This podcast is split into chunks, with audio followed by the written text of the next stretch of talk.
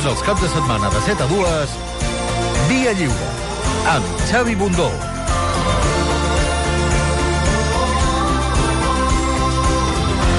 Territori cap de setmana. 20 minuts i les 11. Les últimes setmanes, el que dèiem, han passat alguns fets eh, protagonitzats per gent jove que han fet encendre les alarmes. Per exemple, els aldarulls de Pallejà de la setmana passada que van acabar amb quatre detinguts, dos menors d'edat, també els enfrontaments que va haver-hi amb una festa il·legal de Mata de Pere, eh, també eh, les festes il·legals com la del Teatre Barceló de Madrid una pila de joves eh, ballant sense distància ni mascareta. Divendres mateix, a la nit, es va produir una festa il·legal al local del Rugby Club Cornellà, on hi havia joves que es van negar a marxar i que es van fins i tot enfrontar als policies. I hem parlat de quatre festes més aquesta nit passada. Dos en masos, a les Lloses del Ripollès explicàvem que els Mossos han denunciat 24 joves que estaven fent una festa il·legal eh, en aquest mas. També a, a Piera una altra festa en un mas amb 28 persones identificades. També en un habitatge de l'Hospitalet del Llobregat 18 identificats eh, més eh, 5 o 6 més que s'han escapat i que havien pagat per ser en aquesta festa a l'interior d'un pis de l'Hospitalet del Llobregat i fins i tot a Molins de Rei aquesta festa dins d'una habitació d'un hotel amb 10 persones que havien llogat diverses habitacions i que s'han acabat trobant en una d'elles per, fer, per fer una festa.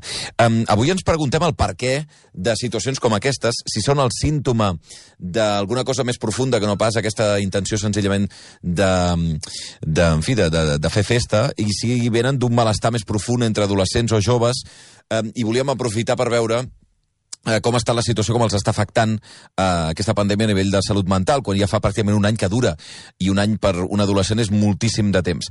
Eh, Deixeu-me saludar Toni Ramos Quiroga. Toni, Ramos Quiroga és cap del Departament de Psiquiatria de l'Hospital Vall d'Hebron, professor de Psiquiatria de la Universitat Autònoma de Barcelona i investigador principal de Cibersan, que és el Centro d'Investigació Biomèdica en Red de Salut Mental. Doctor Ramos Quiroga, molt bon dia. Hola, molt bon dia, Xavier. També ens acompanya Paloma Varela, que és psiquiatra infantil i coordinadora de salut mental eh, infantil juvenil de l'Hospital de Mataró. Eh, doctora Varela, molt bon dia. Molt bon dia, molt Eh, com- bon dia, doctor Ramos. Eh, com, començo amb el Bon dia, doctor Paloma. Ramos. Eh, com interpreta aquest degoteig, i cada cap de setmana hi és, de festes il·legals? Avui hi hem tingut aquestes quatre noves, la setmana passada n'hi van haver-hi dos, amb enfrontaments fins i tot amb la policia, amb, amb, amb atacs als cotxes policials, que, que, bueno, en fi, que s'estan repetint els últims dies a casa nostra. Eh, bé, aquesta situació que, que estem vivint i que, que surten als mitjans de comunicació probablement són eh, allò que és més espectacular, d'acord? Però eh, voldria destacar que la immensa majoria dels joves no tenen aquestes conductes. Eh, sabem que en circumstàncies fora de la pandèmia i abans de la pandèmia doncs hi ha un percentatge de trastorns, eh, el trastorn negativista desafiant, els trastorns per consum de substàncies, que hi són.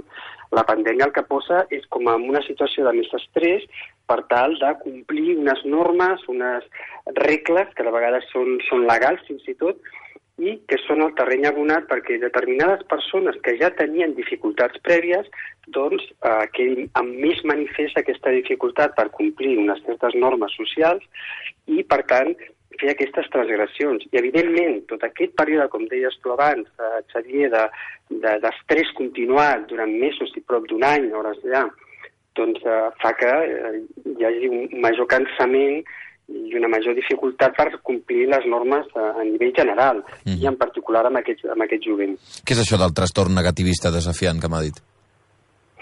Bé, eh, és un trastorn eh, mental que és molt conegut i que, que és força prevalent, però dels, dels eh, adolescents i nens eh, petits, eh, el 5% de, de la població general aproximadament eh, pot tenir aquesta dificultat. És una dificultat doncs, de, eh, per a complir eh, les normes que, que t'indica doncs, una autoritat més, eh, més gran, no? un pare, la mare, eh, són aquells nens que quan els dius que s'ha de fer una cosa és un no com resposta, o quan et diuen que no has de fer és un sí, i estar doncs, fent rebequeries constantment, eh, el nen o la nena típica doncs, que llença al terra a la, a la botiga quan la mare o el pare diu que han de sortir fora.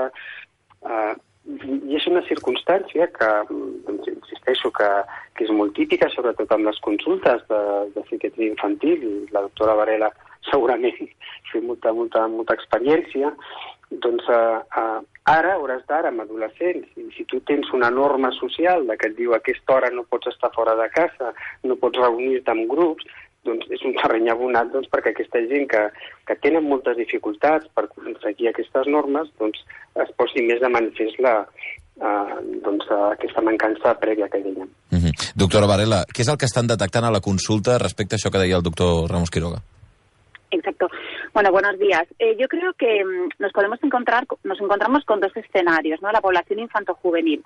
Por un lado, tenemos ya nuestros pacientes que esta situación, ¿no? Que muchos, en muchos estudios epidemiológicos han definido la, la pandemia COVID en salud mental como la, la, tormenta perfecta, ¿no? Porque creo que se han juntado y se juntan varios factores importantes en el desarrollo de, de, de la estructura de la personalidad de los adolescentes, ¿no?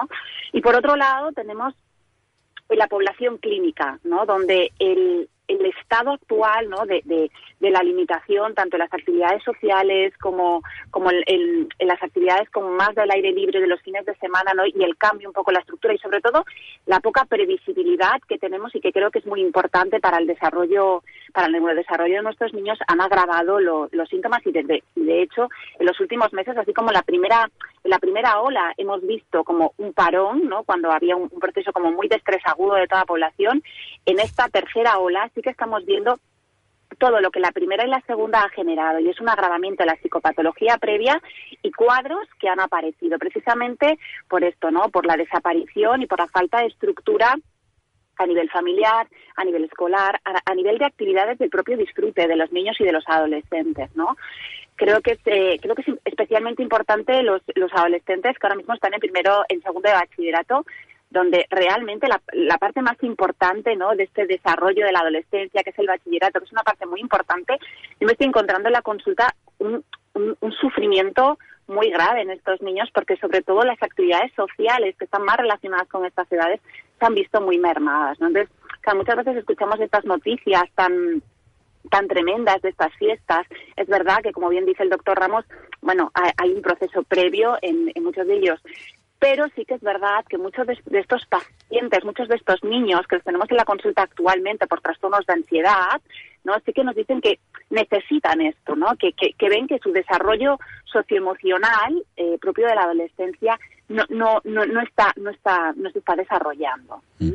Uh, sobre, sobre, aquest, sobre aquest punt, uh, doctora Varela, no sé si ha detectat, eh, perquè em semblava interessant això que deia que a la primera i a la segona onada s'han generat unes tensions eh, emocionals que ara surten eh, la, eh, mm. quan, quan apareix la tercera onada, no? I per tant, vostè a la consulta deu haver trobat trastorns de tot tipus. I no sé si en, en situacions per edat que no tocaria. Què, què, què és el que està veient? Bueno, estamos viendo, eh, por un lado, eh, un agravamiento de, de los trastornos de la conducta alimentaria, que si bien es verdad que los trastornos de la conducta alimentaria no es simplemente el hecho de que un niño deje de comer, sino que hay, ¿no? La, le, hay un, un, un desarrollo de una psicopatología y, y, de unos factores que han precipitado el agravamiento o, la precipitación de un trastorno de la conducta alimentaria. Y sobre todo estamos viendo muchos trastornos de ansiedad, que en función del niño se está viendo, pues quizá que tengan una conducta mucho más externalizante, como mucho más de trastorno de conducta, o en algunos, pues, bueno, un patiment, pues mucho más... Eh, mucho más pues a nivel de ansiedad, de somatizaciones, esto es lo que estamos eh, más viendo dentro de la dentro de la consulta. Y es verdad que también pienso que los niños que tenían trastornos previos, como un trastorno por déficit de atención, la falta de estructura y la imprevisibilidad agrava mucho los cuadros, ¿no? El, el que el niño no sepa y no tenga estructurado claramente qué puede hacer o qué puede pasar la semana que viene, uh -huh. esto es complicado y, y agrava la psicopatología basal. Uh -huh. Estàs sorpresa amb la, amb la quantitat de pacients que teniu? Sí, en este momento sí que estamos sorprendidos y además estamos desbordados, ¿no? Precisamente porque, porque no llegamos a la, a la a la demanda, ¿no? Que desde todos los ámbitos se nos hacen. Los equipos de atención psicopedagógica de los colegios, que en la primera, en, en la primera ola, como hubo un, ¿no? el, el confinamiento en los domicilios, los equipos de atención psicopedagógica que iban a los coles o los médicos de atención primaria no llegaban a estos niños y ahora, ahora sí, porque estamos viendo a los coles y los equipos de atención psicopedagógica están viendo el sufrimiento de estos niños. Entonces sí que es verdad que estamos viendo un incremento de la demanda y un incremento de la prevalencia de los trastornos mentales más de tipo de ansiedad y depresión en los en los niños. Teniu calibrat quin, quin augment eh, hi ha hagut d'aquestes consultes en els últims mesos? A ver, yo creo que los, en, las sí, en las próximas semanas, una vez que, que, hayamos recopilado todos los datos del 2020, tendremos datos como mucho más concisos. Lo que sí que es verdad es que los diferentes estudios epidemiológicos que se han realizado pues más en, en, en países pues más tipo China, sí que han visto un incremento de casi el 43% de, de, los trastornos de ansiedad en niños. Mm. Mm. Y bueno, hay un estudio muy, muy interesante que ha salido hace poco, en el mes de noviembre, en el en, en, la revista americana de psiquiatría infantil, donde se recopilaron pues casi como 60 estudios, son 50.000 pacientes de, los diferentes, de las diferentes eh, pandemias o de los diferentes confinamientos que han existido durante los últimos, creo que son 30 años, y sí que se ha visto un incremento al, en los, eh, el aislamiento social y cuanto más, eh, cuanta mayor es la duración del aislamiento social, mayor es el riesgo para desarrollar un trastorno depresivo en niños y adolescentes. Y estos son estudios de 50.000 pacientes, ¿no? que creo que es muy interesante y que creo que además es para tener en cuenta eh, lo que tenemos que hacer para proteger a nuestra población infantil y juvenil. Está en un proceso muy importante de su desarrollo socioemocional, donde se están construyendo las bases de una estructura de personalidad que es muy importante y el aprender a relacionarse, los roles interpersonales, el poder cambiar, ¿no? No solamente que estén en el cole con su grupo bomboya, que esto es importante, pero también no nos olvidemos que estos niños han perdido muchas veces sus figuras de referencia de otras bombollas. Y esto también ha sido un proceso de ansiedad y de patiment para estos niños, ¿no? Estos niños que, por ejemplo, tenían otras actividades deportivas los fines de semana uh -huh. que ahora mismo no pueden tener por el problema, por, por la situación tan grave que estamos viviendo, hay un patiment, ¿no? O sea, uh -huh. todos estos cambios de estructuras y de roles que, en, en función de la situación, generan también una imprevisibilidad que a los niños emocionalmente, obviamente, les està afectando. Doctor Ramos, què és el, eh, eh, ho han notat molt més en aquesta tercera onada que no passa en les anteriors? Bé, és el que comentàvem abans, eh, és aquest efecte acumulatiu, no? Eh, eh, moltes vegades es, es parla de la, de la uh, onada, de la quarta onada no? de la pandèmia en clau de salut mental, quan sí. realment és una onada en paral·lel, comença des del primer moment que comença tot plegat. El que passa que és que ja portem prop d'un any, com dèiem abans, i això va incrementant doncs, aquest efecte negatiu. Uh, hi ha diversos treballs internacionals que, que demostren sobretot, i, i és un fet preocupant, és aquesta desesperança cap al futur uh, que poden tenir els joves d'aquesta franja d'edat doncs, eh, menor de 30 anys, entre 18 i 30 anys, i com veuen que el futur que els espera doncs, eh, tenen menys possibilitats o que, o que veuen una certa desesperança. I és contra això amb el que hem de, de treballar, a part de tractar eh, totes les, diguem-ne, com deia abans la, la doctora Varela, doncs, eh, totes les dificultats eh, diguem-ne, emocionals, que és el que més estem veient hores d'ara. Depressió, ansietat i fins i tot estrès posttraumàtic en persones ja més grans doncs, que han estat ingressades a UCI. Mm. Se'ls ha prestat prou atenció, doctor Ramos, als, als adolescents i als joves? Bé, eh, jo diria que probablement no, no, i fixa't que és cert que, que, que la pandèmia ha tingut com un, un gran impacte en, en clau de mortalitat elevadíssim, un cost tremendo amb, amb, amb, les persones uh, majors de 65 anys. ¿vale? Uh, però sí que és veritat que si vinguem als dos extrems, tant la infantesa, jo sempre dic que en, la primera, en el període més dur del confinament, doncs probablement en aquest país teníem més drets les, els, els, els animals de companyia que no pas els nens.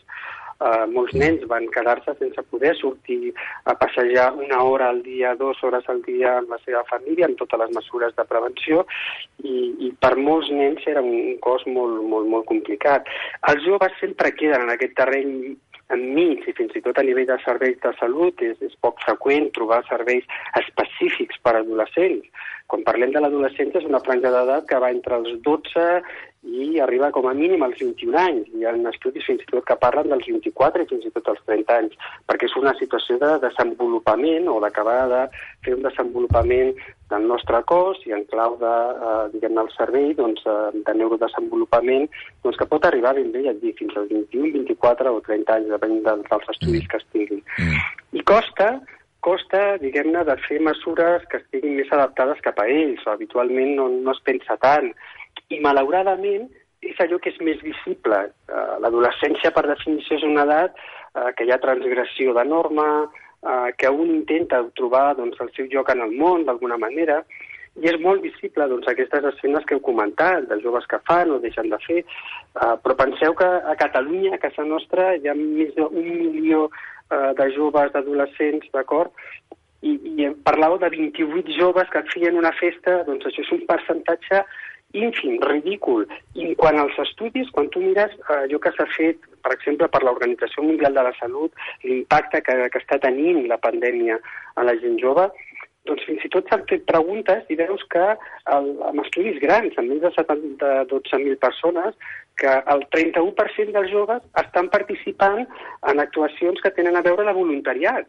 Això vol dir que a Catalunya pràcticament 300.000 persones d'aquestes franges d'edat, menors de 30 i, i majors de 18 anys, doncs estarien participant en tasques de voluntariat o, o col·laborant fent donacions en la mesura de les seves possibilitats per tal de ajudar doncs, a entomar la, la dificultat que hi ha.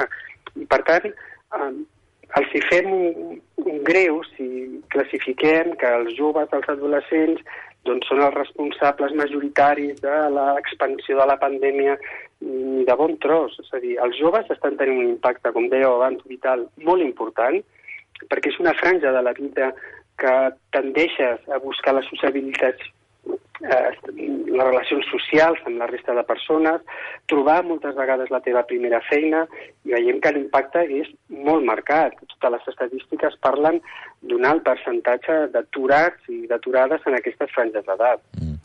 10 i 57 minuts, els agraeixo moltíssim a la doctora Paloma Varela, psiquiatra infantil i coordinadora de salut mental de l'Hospital de Mataró i el doctor Toni Ramos Quiroga, eh, cap del Departament de Psiquiatria de la Vall d'Hebron. Moltíssimes gràcies per, per atendre'ns. Moltes gràcies. Doncs moltíssimes gràcies a vosaltres per el vostre interès en la salut mental.